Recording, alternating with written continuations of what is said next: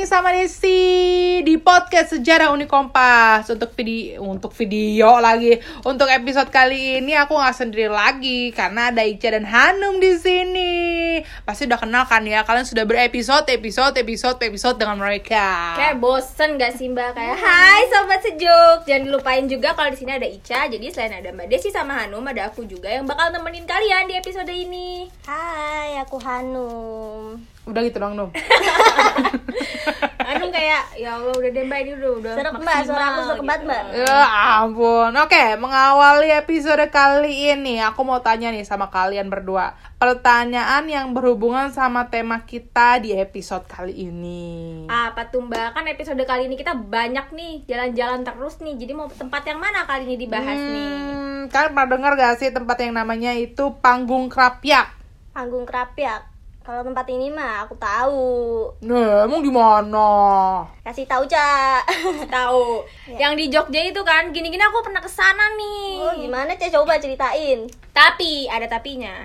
Tapi cuma lewat YouTube. Ya. Gitu. Gak apa-apa yang penting ada temanya, Mbak. Gitu. YouTube. Baby Shark. Lewat Itu YouTube. anak mbaknya ya, baby shark ya. Ya, kirain beneran, tapi bener nih ya, yang di Jogja itu bukan panggung kayak buat nyanyi gitu. Ini panggung beneran. Oh, aku kira emang itu tuh panggung kayak buat pentas gitu, Mbak. Karena kan memang namanya panggung ya. Jadi pasti orang awam kiranya oh ini buat pesta, buat penampilan-penampilan atau minimal ya buat acara gitu. Hmm, bukan, ini panggung buat berburu. Jadi tempat ini dinamakan panggung ya, karena bangunan yang berumur 3 abad ini Wow, bentuknya lamanya. kotak dan lebarnya 17,6 meter dikali 15 meter. Wah, kalian kamar gua nih. terus terus tingginya itu 10 meter. Jadi emang menyerupai panggung gitu sih.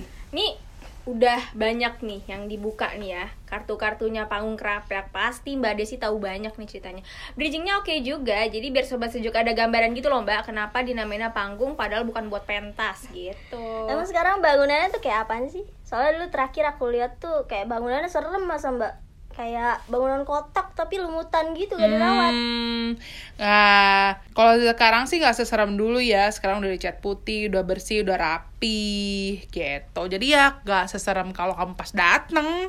Oh, udah direvati. Oh, udah direvati. Oh, udah direvitalisasi. ya, ya Num, gue lanjutin. Ya udah direvitalisasi. Udah gak seram lagi. Ya tapi kalau siang nggak tahu kalau malam. nah lo kan kenapa cuma siang aja berarti kalau malam serem dong nih ada cerita apa nih bisnis kah atau sejarah kah atau apa nih nih nih Ya lumayan karena faktor peninggalan sejarah juga kali ya. Jadi emang kalau malam agak serem gitu. BTW kalian berarti beneran belum pernah ke sana ya? belum tapi kayak tadi aku bilang pernah tapi lewat YouTube aja jadi ya yang penting intinya pernah pernah lihat tapi cuma di YouTube, Gitu. Baik, gitu. siap. Serem banget sih enggak sih. Cuman kisah sejarahnya yang serem. Tapi kalau sekitarnya tuh udah banyak rumah warga, jadi ya nggak begitu serem kayak dulu. Berarti bisa jajan kita nunggu sana nunggu kalau ke sana aku juga belum pernah sih kayak waktu ke Jogja tuh nggak mampir ke panggung Krapyak. Paling cuman ke Malioboro doang sih. Ya sayang banget soalnya kan secara sumbu filosofis Jogja, panggung Krapak itu jadi salah satu tempat penting bersejarah yang punya makna juga. seperti biasa kayak ke mana aja pohon aja ada ceritanya gitu ternyata kali ini ada maknanya apalagi sekelas bangunan kan ya pasti ada sejarahnya kenapa sih itu dibangun seperti panggung krapek ini sih Iya bener Karena emang sebenarnya tuh semua hal pasti bermakna gak sih Cak?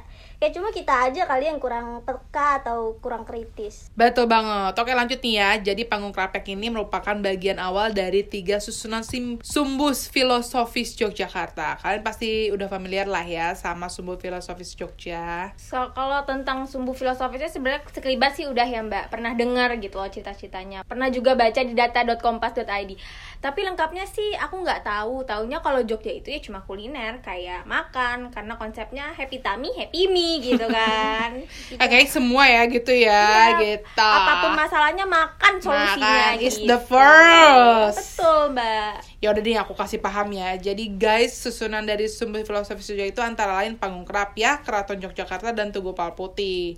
Sama seperti yang sebelumnya aku bahas nih, ketiga filosofinya itu sebagai sangkan paraning dumadi yang artinya dari mana manusia berasal dan ke mana manusia kembali.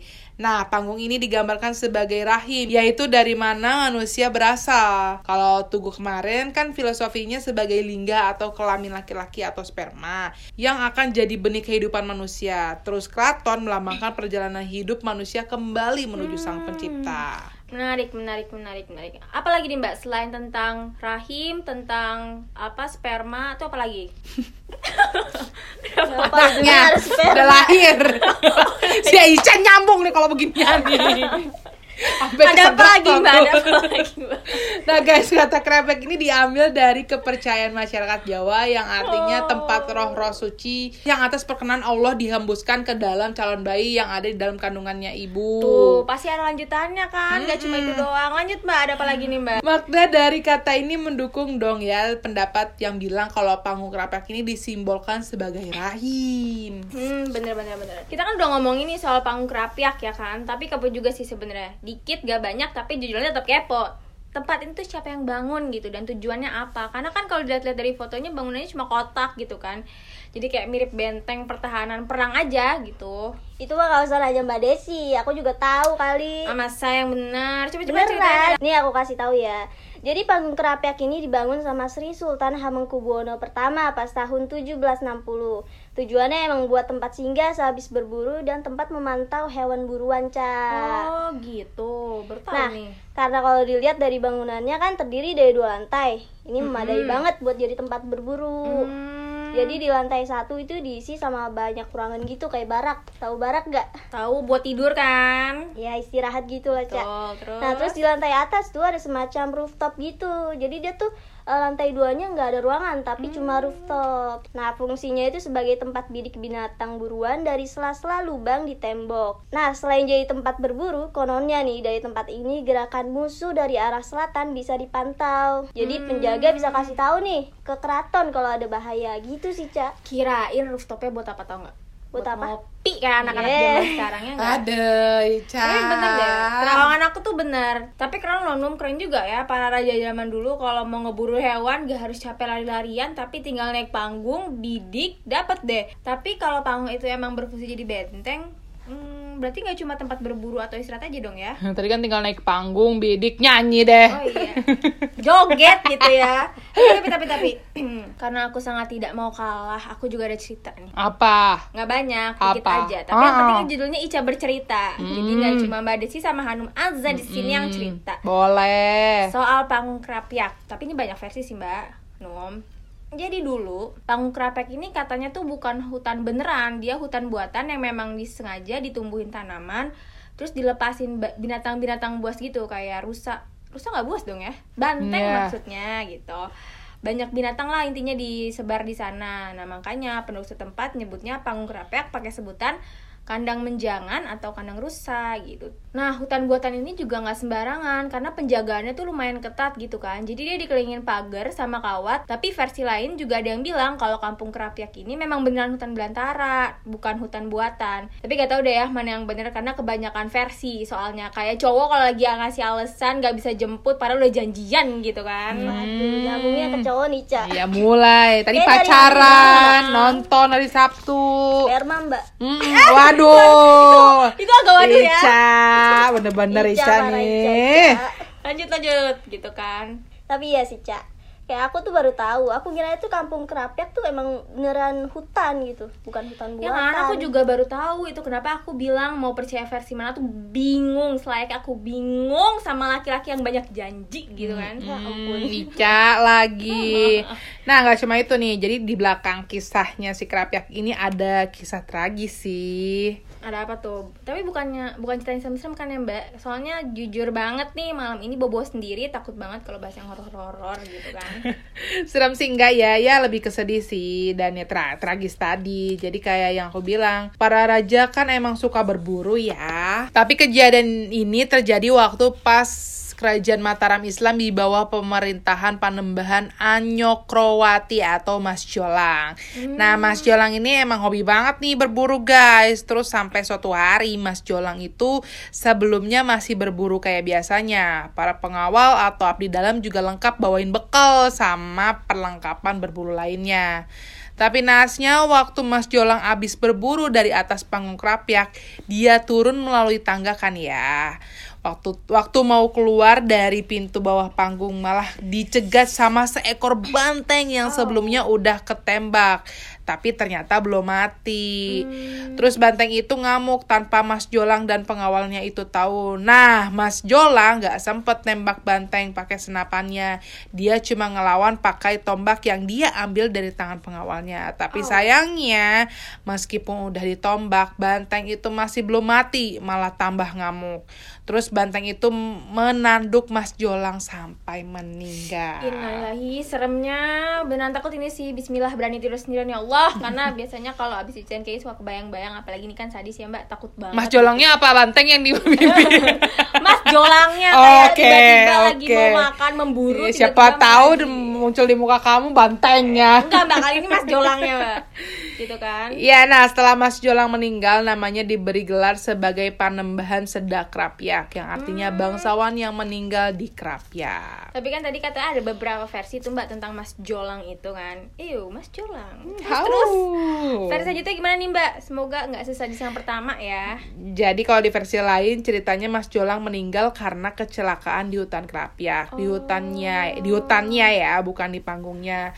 Nah, kalau dari versi ini emang agak di, gak dijelasin sih secara detail kenapa Mas Jolang bisa kecelakaan. Tapi juga ada asumsi kalau kecelakaannya itu disengaja karena masalah politik pada waktu itu. Ya, saya kalau politik pasti memakan nyawa. Ya biasa. Lagi-lagi juga bingung mau percaya versi mana. Seperti saya harus percaya laki-laki yang banyak janji. Hmm, Kalau Ca. lagi nih mbak.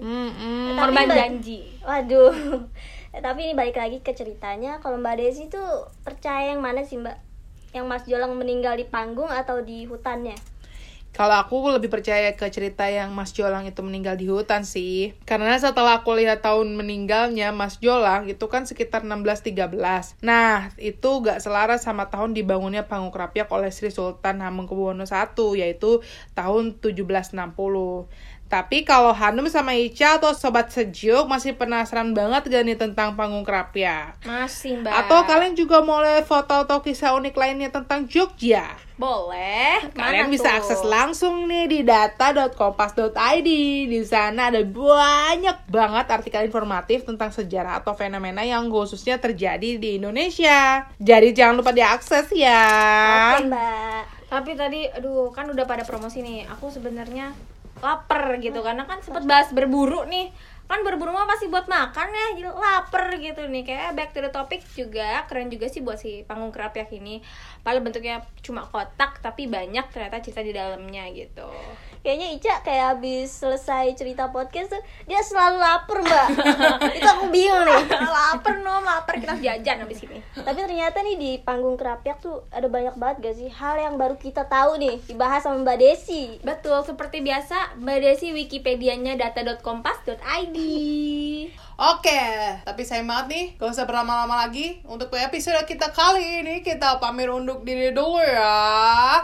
Sampai jumpa lagi di episode sejuk selanjutnya. Yang, Yang dulu pasti seru.